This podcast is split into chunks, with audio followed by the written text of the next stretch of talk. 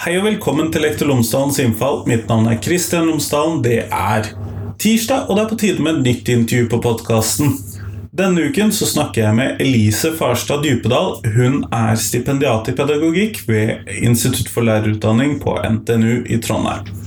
Vi skal snakke om skolens offisielle kunnskap, og hva er det som har skjedd da på 90-tallet. Vi skal snakke om hva er skolen? Har vi kanskje en heldagsskole? Vi skal snakke om mye tilknytning til dette.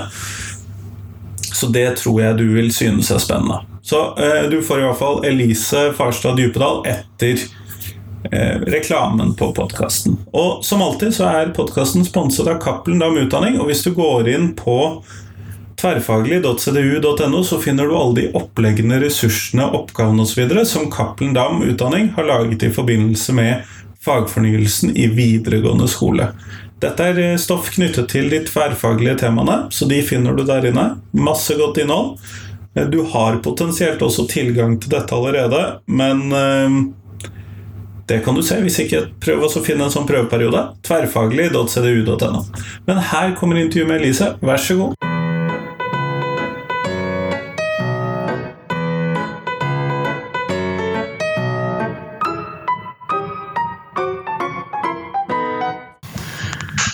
Elise Farstad Djupedal, tusen takk for at du har tatt deg tid til meg i dag.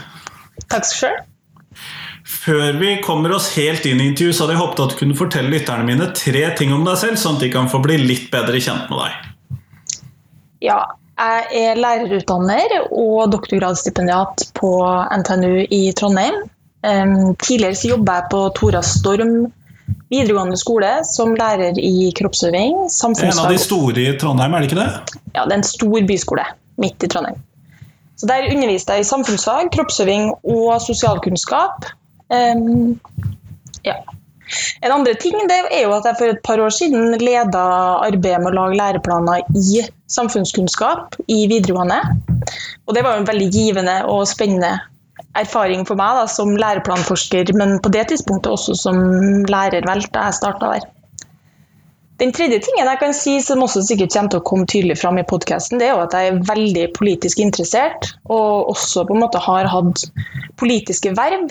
Men jeg har ikke bakgrunn fra partipolitikk. Det går jo an å engasjere seg politisk uten å, måte, at det er knytta til parti. Så regjeringsskifte f.eks., det er jo da veldig spennende for meg, fordi at det endrer jo det politiske ordskiftet, og det endrer mest sannsynlig også skolepolitikken på kort og lang sikt. Ja, nei, Vi har jo en veldig spennende høringsrunde foran oss, sånn at eh, det er jo noe i seg selv. Nettopp. Men du forsker på offisiell kunnskap i skolen. Eh, og da må jeg først spørre deg hva, hva betyr det? Ja, det er, et, eh, det er, jo et, begrep jeg tidvis bruker for å beskrive prosjektet mitt. og Noen mener det høres litt sånn eh, stalinistisk ut, så jeg må jo på en måte ta høyde for det. Så jeg kan forklare det litt nærmere. da, Men jeg pleier å si det at doktorgradsprosjektet mitt handler om historiske endringer i grunnskolens offisielle kunnskap. Og det er på en måte at Prosjektet mitt tar utgangspunkt i endringer i skolens timetall. Så Det tar utgangspunkt i timefordelinga i læreplanverket, som beskriver skolens fagkrets og timetall.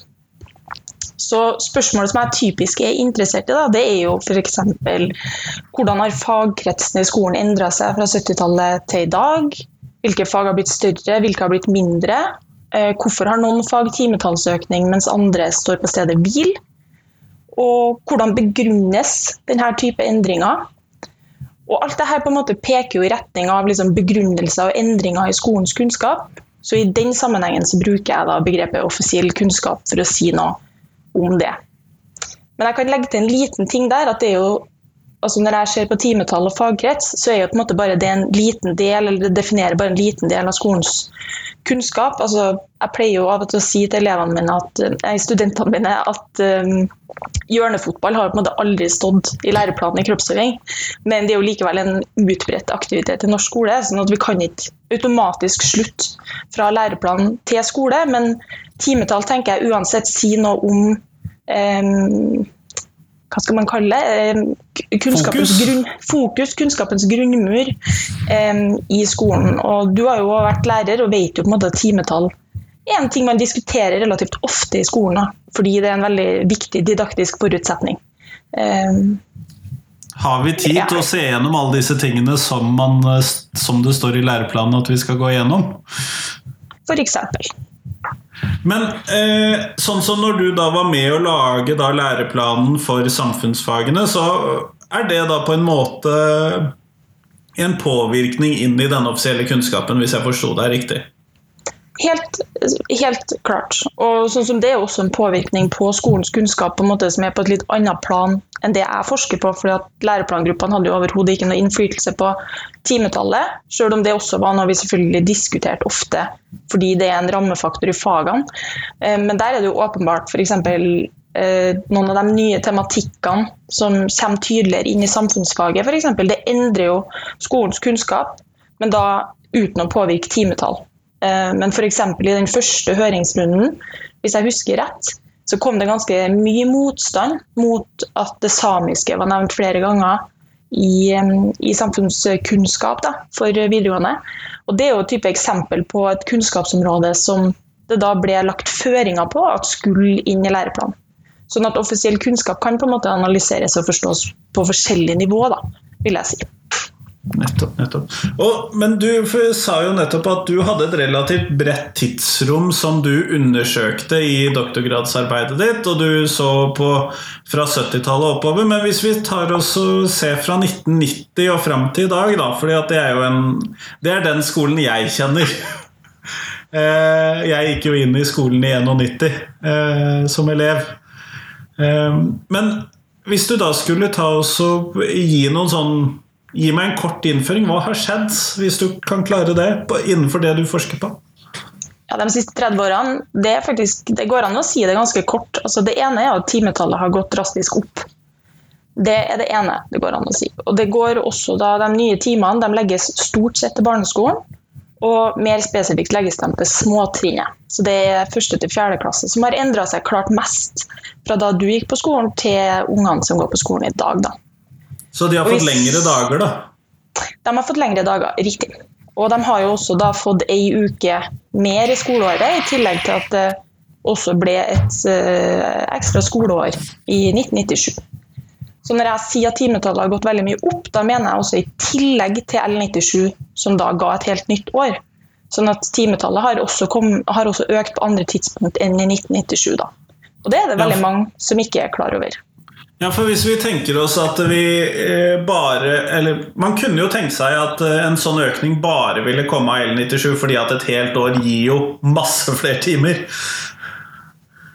Ja, det er helt riktig. Og hvis vi ser f.eks.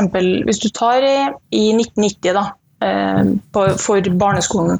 Vi kan ta for grunnskolen sin del. Så I 1990 så var det f.eks. rett under 6600 timer. Det er jo et veldig abstrakt tall, men vi kan huske 6600.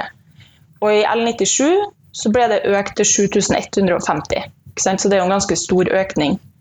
Men fra L97 til i dag så er jo uh, har, det også, har det videre gått opp til 7900.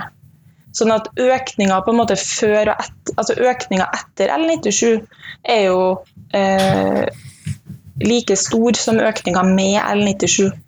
Og Det er jo på bakgrunn av det at jeg noen gang, flåsete vil noen si, men eh, er ganske tydelig på at vi har en elleveårig eh, grunnskole målt i antall timer en annen måte å si det på er jo at vi også er veldig godt i gang, eller omtrent i mål med, å bygge ut en heldagsskole som mange argumenterer for at vi skal innføre.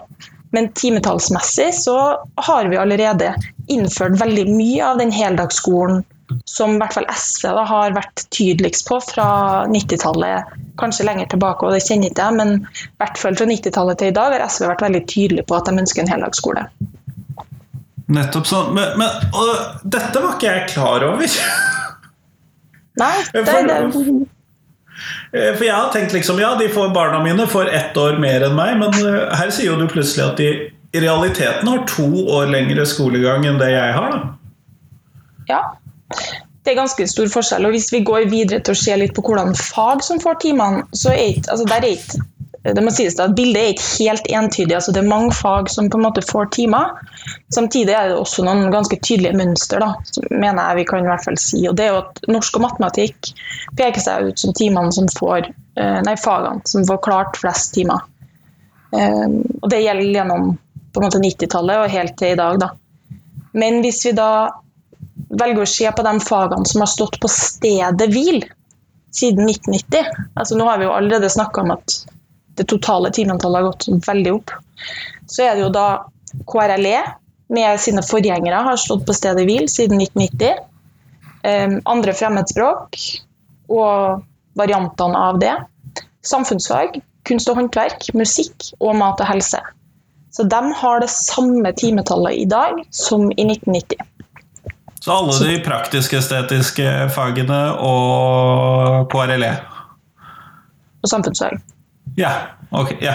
Ja, og så Bortsett så kroppsøving har jeg fått timer, så det er også på en måte regna som et praktisk-estetisk fag. og I tillegg så er det jo andre endringer i det her, f.eks. utdanningsvalg lagt til, som er et fag som løses på veldig forskjellige måter da, fra skole til skole. Men blant de eh, klassiske fagene som jeg da egentlig ofte kaller de karaktergivende fagene, altså det vi kaller på en måte skolens fagkrets, kjernefagkrets, så er det praktisk-estetiske fagene minus kroppsøving, ja. samfunnsfag, KRLE, fremmedspråk, mm, står på stedet hvil. Norsk og matematikk går opp. Men eh, hva tenker du at uh, dette uh, Hva forteller dette oss, da? Det er jo kanskje det interessante spørsmålet her. Hva er det dette betyr for skolen, sånn som du ser det? Det betyr jo at innholdet i skolen altså hvis vi jeg sa jo at vi ikke kan slutte fra læreplanen til skole sånn én til én, men eh, hvis vi nå tenker oss på den skolen som eksisterte i 1990 og den skolen som eksisterer i dag, så tror jeg den tar veldig forskjellig form. Altså, det som skjer klokka åtte, klokka ti, klokka tolv på en eh, barneskole i dag, er nok mest sannsynlig mer likt hver dag. Altså, det er en slags ensretting, eller en uniformering, kan vi si, da, av eh, Fordi at mange av de fagene som da får timer, eh, har en relativt lik egenart, f.eks. at de undervises i klasserom, som oftest. Så Det gjør jo at skolen mest sannsynlig i dag eh, kanskje er mer ensformig og kanskje er mer lik på tvers av fagene. Eh, I tillegg til at, sånn som du sa, da, at mat og helse eh, og kunst og håndverk, f.eks. musikk, eh, de har jo ikke fått en netto nedgang, men de utgjør jo en mye mindre andel av uka Eh, enn det som da eh, var tilfellet før. Og Det er en ganske, stor, en ganske stor forskjell. Et annet punkt som på en måte jeg tenker jeg i hvert fall snakker mye med lærerstudentene mine om, det er jo hva betyr det for barn å gå så mye på skole? Altså, tallene mine indikerer jo at vi institusjonaliserer veldig mye mer av opplæringa og læring. Da. Det er jo ikke sånn at man bare lærer på skolen, så det vil jo på en måte bare si at flere timer av døgnet eh, dyttes inn i skolen. Og Det er også en ganske stor forskjell. En stor forskjell hvis du tenker småtrinnet. Det å være ferdig klokka ett og da ha eh, mye tid til det som ofte da blir egenaktivitet, leik, enten det å dra hjem eller å være på SFO, kontra det da at de timene er erstatta i stor grad med norsk og matte, også andre fag, fra liksom, vi kan tenke oss timeplanen da, fra klokka ett til tre så er det da eh, en ganske stor endring. Så uka ser jo ganske annerledes ut da, for en eh, sjuåring, f.eks. for åtteåring, sammenligna med 1990.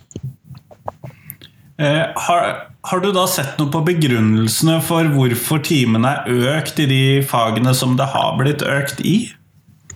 Ja, og det er en, egentlig en ganske kompleks prosess. Det er veldig mye forskjellige begrunnelser ute og går. Men sånn overordna sett så kan vi jo si at i 1990 så kommer det jo inn en veldig veldig tru i offentlige dokumenter på det her med kunnskapssamfunnet og det at vi skal leve av kunnskap. Og det fører til en veldig stor sats, eh, satsing og styrking av, eh, av skolesystemet. og der et av de tingene som jeg sitter, eller En av de tingene som jeg sitter og prøver å skrive på akkurat nå, da, eh, eller forske på, som det også heter, er nettopp det at da Gudmund Hernes eh, leverte en NOU, eh, Hernes-utvalget leverte en NOU på slutten av 80-tallet, så er jo en av de tingene som de foreslår, det er jo å øke timetallet på småtrinnet. Og det er jo den første gangen hvert fall jeg finner at man aktivt går inn og øker timetallet i skolen utenfor skolereform, eh, målrettet til enkeltfag, sånn at denne kunnskapen i kunnskapssamfunnet, kan vi si, det er jo ikke en fremming av all kunnskap. Det er jo ikke en fremming av liksom, det ene med neste. Det er en ganske sånn målretta styring av noen fag og ferdigheter som eh, vi ønsker at det skal være mer av. Da. Eh, og der er det jo, som vi sa, da, noen fag som ikke nødvendigvis får flere timer i det her kunnskapssamfunnet eller kunnskapsskolen. sånn at For meg er det nok viktig å påpeke at når folk sier kunnskapsskolen så jeg ser på kunnskapsskolen som en eh, sagt veldig akademisk som en politisk konstruksjon, eller det er en navnsetting på en skole i en gitt epoke som favoriserer noen gitte kunnskaper. Da. Ikke all kunnskap, men noen kunnskaper. Så det, til spørsmålet ditt så vil jeg si at det med kunnskapssamfunnet er en veldig fremtredende begrunnelse. Men overordna sett, eh, hvis vi går nærmere eh, i dag, så fra ca. offentliggjøring av PISA-resultatene, så blir det jo et veldig trykk på ferdigheter. Og det som begrunnelse for endring i timefordelinga. Og det ser ikke jeg så veldig tydelig før eh, år 2000, men etter år 2000 så kommer det et større trykk på at elevene må få bedre grunnleggende ferdigheter. Og det fører jo da til en timetallsøkning i, også igjen, i noen gitte fag. Så selv om man kan lese og skrive i alle fag, det er også mulig å regne i flere fag, så viser på en måte mitt materiale at det ofte fører til en endring i norsk og matematikk, da, f.eks. Um, som et svar på lesing, skriving, regning. En tydelig verdisetting av fagene, da, kanskje man kan snakke om? I det? det. Kan, ja, eller som jeg snakker om, den verdsetting av kunnskap og hvilke kunnskaper vi mener på en måte har verdi. Og selv om man kan jo på en måte gjemme seg bak at det ikke er det man prøver å si sånn fra politisk hold, men vi kan jo også tenke oss hva er konsekvensene av det. Altså Hvis du hadde hatt ja, Hvis jeg overdriver det litt da, og sier at du hadde hatt en hel dag med kunst og håndverk i uka gjennom hele grunnskolen, så hadde jo på en måte det også gjort noe med folks eh, forhold til eh, kunst og håndverk. Det hadde blitt en, helt en mye mer normal del av det alle mennesker kan. Sånn at skolen på en måte produserer jo eh, også noen, eh, hva skal man si, noen sannheter utover det vi lærer sånn fra dag til dag. F.eks. hva som er viktig. Um, ja. Vi kan jo også tenke hva er det vi lønner i arbeidslivet? Hvilke ferdigheter det vil lønne der? Så skolen har jo noen ringvirkninger litt utover liksom, timeplanen på torsdag og fredag, vil jeg jo si da. Mm. Men hvis vi da eh, For den skolen som du da tegner et bilde av, og som jeg for så vidt kjenner igjen, det, det fremstår ikke som en skole hvor det blir lettere å være eh, en litt urolig liten person, da. En som har litt behov for å bevege seg, enten man er en eh, aktiv gutt eller en aktiv jente, eller i det hele tatt ja, det er jo vanskelig å si, for sånn f.eks. norsk. Det kan jo i veldig stor grad være et skapende fag. Liksom, drama har til enhver tid vært liksom, en sentral del av norskfaget. Men det er jo klart at de fagene som styrkes, er knytta til ofte noen klasseromspedagogiske praksiser som innebærer å sitte på pult, det innebærer å skrive og lese. Og det er også helt uavhengig av grunnleggende ferdigheter. at på en måte Lesing og skriving har jo vært det sentrale i samfunnsfag òg. Vi kan jo ikke på en måte si noe annet. Eller i, i KRLE, selv om man også der har hatt på en måte fremføring om jødedommen, så har det også vært mye lesing og skriving. Så det er jo en styrking av eh, lesing og skriving lese- og skrivefagene i skolen, kan vi si. Og det, det kan jo, som du spør om, eh, gjøre det vanskelig for elevene som eh, ikke fikser det. Selv om begrunnelsen ofte for mer lesing og skriving er jo at man skal heve dem som er dårligst til å lese og skrive. Og det jeg skal være forsiktig med å være bastant der, men jeg husker veldig godt en som jeg intervjua i forbindelse med masteroppgaven min, som eh, gikk eh, på yrkesfaglinje på videregående. og Jeg intervjua han fordi han ikke likte skolen. Og da spurte jeg hva han syntes om eh, jeg tror det var den Ny GIV-satsinga til fylkeskommunen, som gjorde at han fikk mer matematikkundervisning fordi han var dårlig i matematikk. Så sa han ja, mer av det vi hater. Hvem er det som har funnet på det? Og Det er jo et godt poeng. sant? Intensjonene er gode. Poenget er at han skal bli bedre i matematikk, men som han forklarte, så sa han vi har matematikk hele torsdag hver uke. Tenk, det er ganske massivt. De hadde matematikk en hel dag i uka. Og han sa jeg er her aldri. Jeg klarer ikke det. Nei, Så og da da er hjelper det jo ikke med til den teoretiseringen i skolen. Nei, ikke sant. Åpenbart ikke. Men, eh, men det er vanskelig å slutte fra timetall til pedagogiske praksiser. Da, for at det er jo et fag som du 100% kan gjøre både ut, du kan gjøre det i kroppsøvingssal, men det er også stort rom i dag for å flytte mye av kroppsøvingsundervisninga inn i klasserom. Og ha om på en måte avartene av trenings- og kostholdslære. Sånn at det er, det er ikke lett å slutte fra det ene til det andre, men mitt materiale er tydelig på en mer sånn ensretta skole, så det er jo åpenbart. Eh, Vi har jo mange politikere som i dag snakker om å innføre det ellevte skoleår osv. som eh, stort sett da for, for de som trenger Eller som ikke helt har fikset skolen for å fikse det. Men eh, det du har sagt her, tyder jo på at det kanskje ville da være noe vi egentlig allerede kanskje har innført. Og to, mer av det samme som det elevene det gjelder, ikke likte i utgangspunktet. Ja, altså den politiske medisinen som oftest, da, når man i hermetegn skal redde noen, så er det jo at man ofte innfører mer eh, eh, mer lesing og skriving, mer norsk matematikk, kanskje engelsk, naturfag. Det er jo selvfølgelig en, en strategi som kanskje kan virke på noen, men det er jo også eh, for min del hadde det i hvert fall vært utrolig kjedelig å ha en skoledag bestående av fire fag. Eh, og det kjenner vi jo på en måte også litt fra påbygg, som har litt samme eh, fagkretsen. Altså at man har en smalere fagkrets for å på en måte fylle på eh, de to årene i skole som yrkesfagelever har hatt. Og der er det også ofte tilbakemeldinger, i hvert fall fra elevene jeg har hatt, er jo at ok, jeg må gjennom det, det er forferdelig, eh, det er hardt. Eh, er det åtte timer norsk man har? Så det er jo litt Ti. sånn det, Ti, ja. Ti nettopp. Ikke sant? Så det tar jo litt form som en eh, bootcamp, som det kalles ellers i samfunnet. Så spørsmålet er jo hvorfor vil vi legge opp har det en hensikt å legge opp til den type bootcamp, når også utgangspunktet for at mange elever uh, har dårlige karakterer Det blir jo en vekselvirkning mellom dårlige karakterer, manglende motivasjon. eh, og hva vil en bootcamp eh, hjelpe da? Eh, det her husker jeg, og vi diskuterte veldig mye på skolen der jeg jobba, fordi jeg var en del av teamet som eh, hadde de minoritetsspråklige elevene eh, som gikk på Torastorm.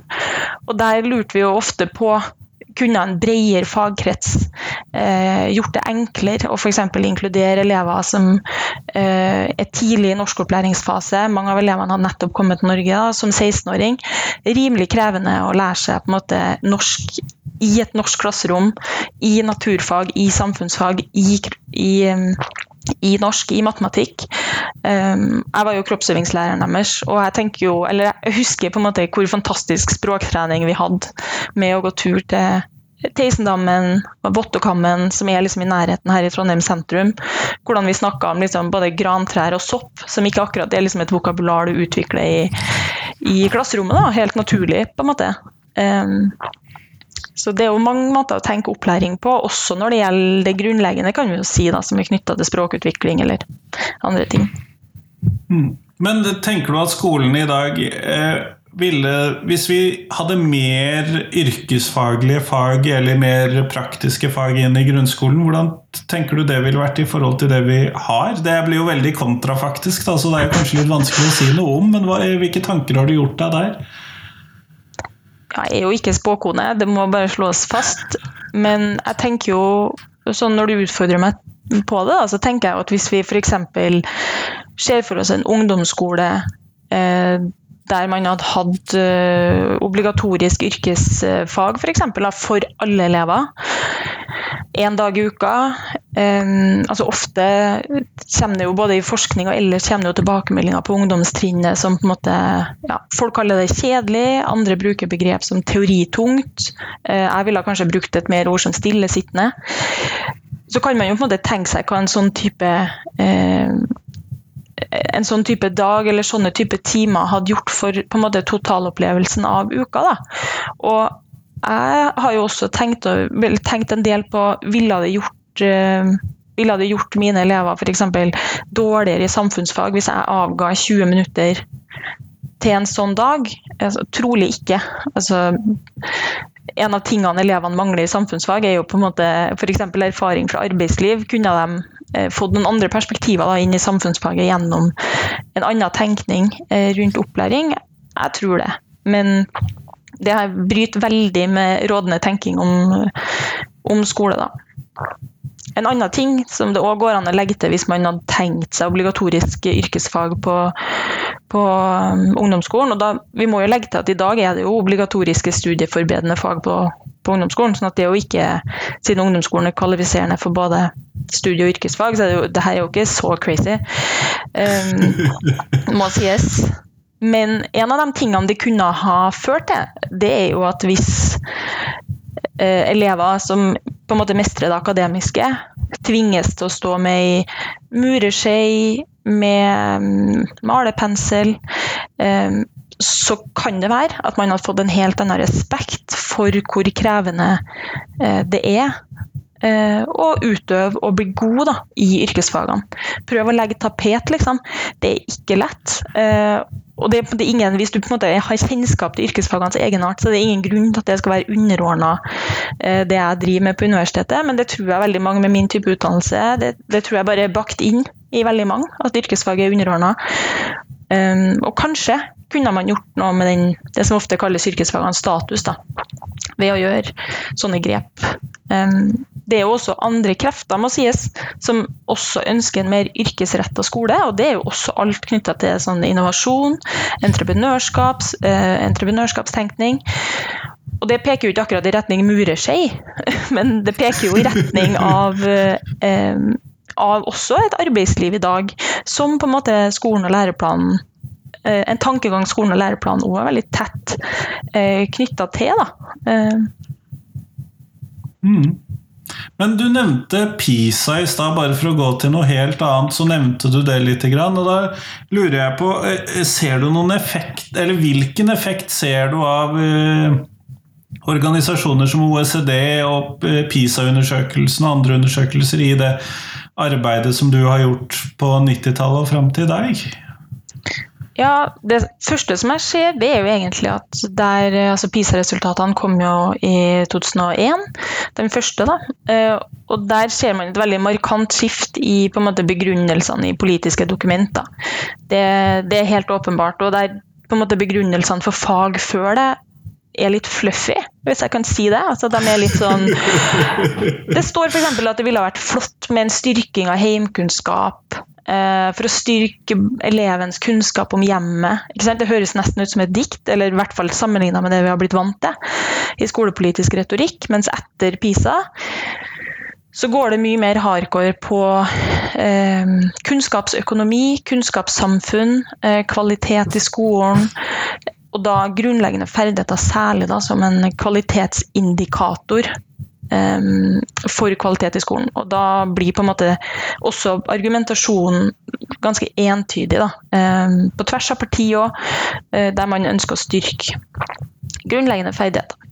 Men så ser du også fra 2005-2006, eh, nærmere Kunnskapsløftet, så ser vi også at det er andre fag som får timer. sånn at Det er heller ikke sånn at det går an å si at det entydig bare er grunnleggende ferdigheter som er og da dermed norsk og matematikk som får timer. Det er også andre fag som på en måte blir styrka.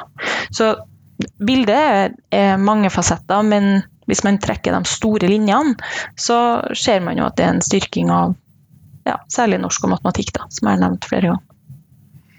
Det er jo interessant at eh, For jeg, når jeg husker tilbake til min egen skolegang, da, så jeg må jo si det at jeg opplevde ikke at norsk, matematikk og engelsk hadde så stort fokus. Jeg tror ikke vi begynte med engelsk før sånn i fjerde klasse eh, den gang da. Sånn at eh, du tegner et bilde som er ganske annerledes enn den barneskolen jeg selv husket. Nå har ikke jeg vært så mye i barneskolen og undervist, da, så det skal vi sies.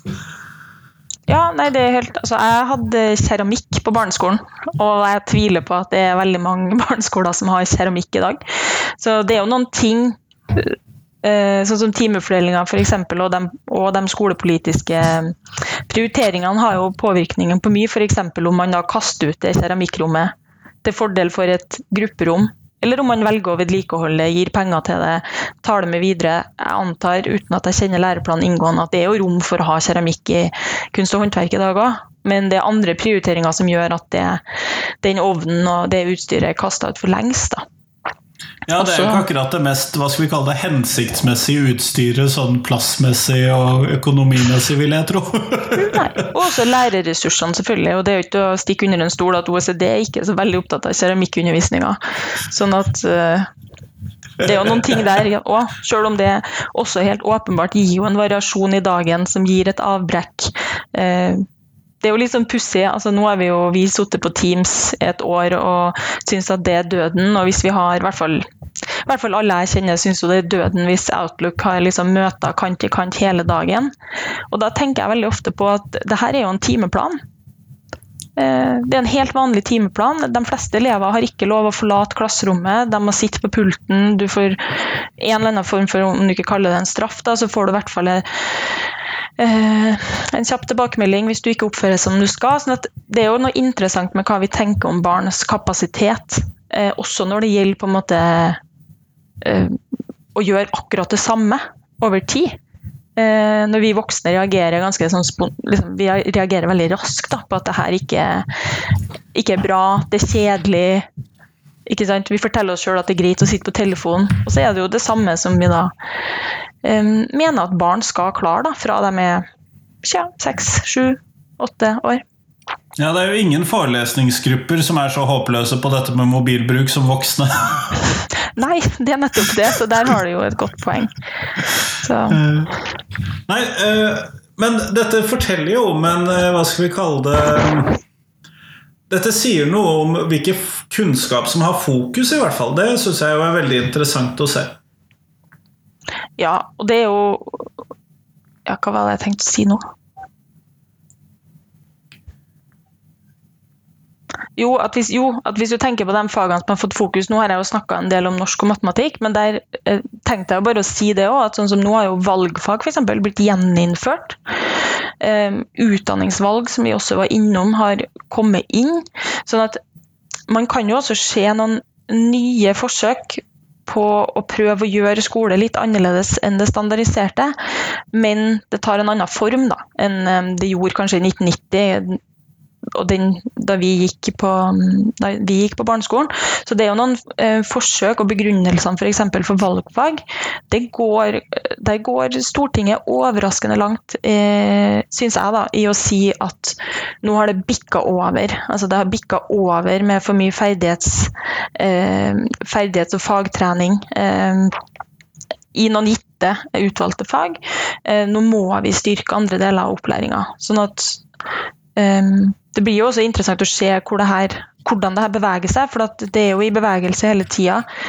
Samtidig som det også er helt soleklart at et fag omtrent aldri mister timer. Fordi at uh, timefordelinga er jo grunnlag for ansettelser, og det er grunnlag for en god del i skolen som gjør at det er veldig vanskelig å reversere timer. Det som da ville være veldig interessant med tanke på disse valgfagene, eh, ville jo være å se om noen forsket på hvor utbredte er de ulike typer valgfagene på ulike skoler. fordi at eh, noen av de er jo praktisk orienterte, og noen av de er litt teoretisk orienterte. Og jeg mistenker jo at de i stor grad, dette er min fordom ut ifra det å ha barn i skolen selv, eh, at de brukes til å gi litt mer sånn praktiske fag, litt mer sånn bevege seg-fag for de elevene som trenger det. Eh, det, det er min fordom i valgfagene, men det hadde vært interessant å se forskning på det. Ja, jeg vet at det er, det er bl.a. i Oslo som har vært innom og skrive om uh, hvordan valgfagene på en måte realiseres, da, som jeg ville ha kalt det. Og uh, så vidt jeg har skjønt, så er det veldig forskjellig fra skole til skole. Det handler, det handler veldig mye både om lærerressurser og andre ressurser. Ja, et valgfag kan løses på veldig mange måter. Eh, en kollega av meg, Kristin Eide, har jo skrevet en avhandling om på en måte endra pedagogiske praksiser, bl.a. etter innføring av Kunnskapsløftet. og Mange av lærerne hun intervjuer, eller noen av lærerne, jeg skal ikke uh, være for detaljert her siden jeg ikke kjenner arbeidet inngående, men, men de peker jo på at valgfag overhodet ikke er det det var. da. At valgfag òg har blitt mer ensretta, standardisert, mer knytta til klasserom. Um, og mindre og mindre av egentlig det du sa. da, Mindre praktisk, mindre variert, mm. mindre utafor skolen. Um, det her var vel intervjuet gjort for noen år siden, så det trenger ikke å være gyldig nå. Men det er jo i så fall også en veldig, en veldig interessant utvikling oppå det som jeg forsker på. da. Jeg tror vi trenger mer forskning, men nå går vi mot slutten, Elise. Og da skal jeg jo spørre deg om noe som kanskje da blir litt enten typisk eller ironisk, litt avhengig av hvordan du ser det, etter eh, det som vi har snakket om. Men hva er de tre viktigste tingene som skolen lærer elevene? Det er et veldig godt spørsmål. Da. Jeg tenker kanskje at den første tingen det er at Og det, jeg tenker jo, jeg, jeg, forstår spørsmålet ditt på godt og vondt. fordi det viktigste trenger ikke nødvendigvis også være det beste. Men jeg tenker at det første da, det er at skolen i for stor grad lærer, lærer elevene hva et normalt barn er. At skolen lærer elevene hva som er normalt, og dermed også hva som er unormalt. Og det gjelder liksom atferd og oppførsel, det gjelder hva som er forventa i en skolesetting, men også hvilke fag og ferdigheter da, som vi har snakka om i dag, som vi mener er på en måte normal, som vi mener er godt. Og det er med på å legge noen føringer på hvem og hva som oppleves som normalt og ønskelig i skolen, men selvfølgelig så produserer det også noen strukturer utover skolen, også fordi de her barna sjøl blir voksen. Så det tenker jeg er en, er en veldig viktig del av skolen, eh, som vi også som lærere mm, bør tenke over og være bevisst på. Da, hvordan vi forvalter det normale, og hvor, hvor trange grenser vi, vi, trenger å trekke for det normale i, i klasserommet eller i skolen. Da. Samtidig som noen mener er noe av det samme som jeg sa på punkt 1, men som peker i en litt annen retning, det er jo at eh, skolen sånn som den er organisert i Norge, den lærer elevene at mennesker er forskjellige. Eh, rett og slett. Og det at elevene går i en fellesskole f.eks., det er en veldig sterk medisin mot parallelle samfunn i samfunnet. Eh, jeg husker da jeg husker jeg fikk meg en veldig realitetsorientering det året som jeg bodde i USA. Der på en måte skolesystemet eh, det parallelt skolesystem, men også bosetning, interesser, politisk overbevisning. Altså valg av TV-kanal, valg av andre medier stort sett alltid da, følger folks sosiale bakgrunn og økonomiske situasjon. Og Det gjør jo også at det for er klin umulig å informere amerikanere om at det gjennomføres et valg. Altså, alt det her som vi tar helt for gitt da, i Norge, det tenker jeg skolen er en viktig del av. Det at vi faktisk har en felles referanseramme eh, og møter hverandre i skolen. Det tredje punktet, og det er kanskje litt mer i forlengelsen av det jeg forsker på, det er at sammenligna med andre land, så vil jeg si at det virker som at vi skal være veldig stolt over bredden i fagkretsen i norsk skole. At selv om trenden de siste årene er at det har vært en styrking av noen tradisjonelle fag, sånn som f.eks. norsk og matematikk, så har Norge fortsatt en relativt stor bredde i eh, hvilke fag elevene har i grunnskolen.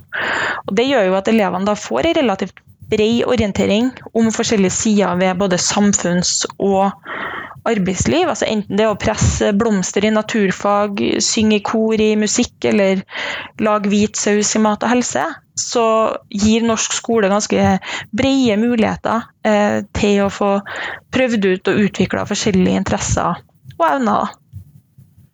Kjempeflott, Elise. Tusen takk for at du tok deg tid til meg i dag. Tusen takk.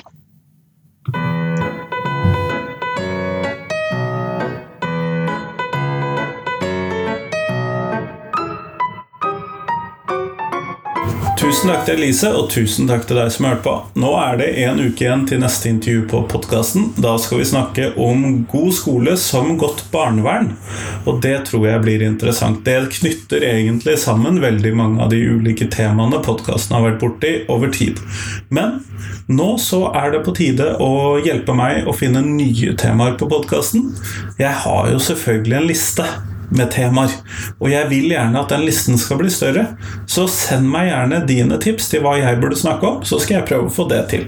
Så hender det at det tar en stund, fordi at eh, vel, travle mennesker eh, er vanskelig å finne avtaler med. Men eh, det er veldig mye gøy som skjer. Men eh, nå får du ha en fin uke. Hei, hei.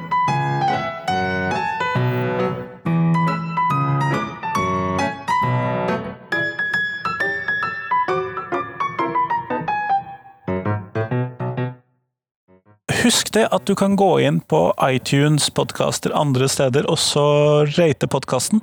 Det blir jeg kjempeglad for. Gjerne full pott, selvfølgelig. Men vi høres!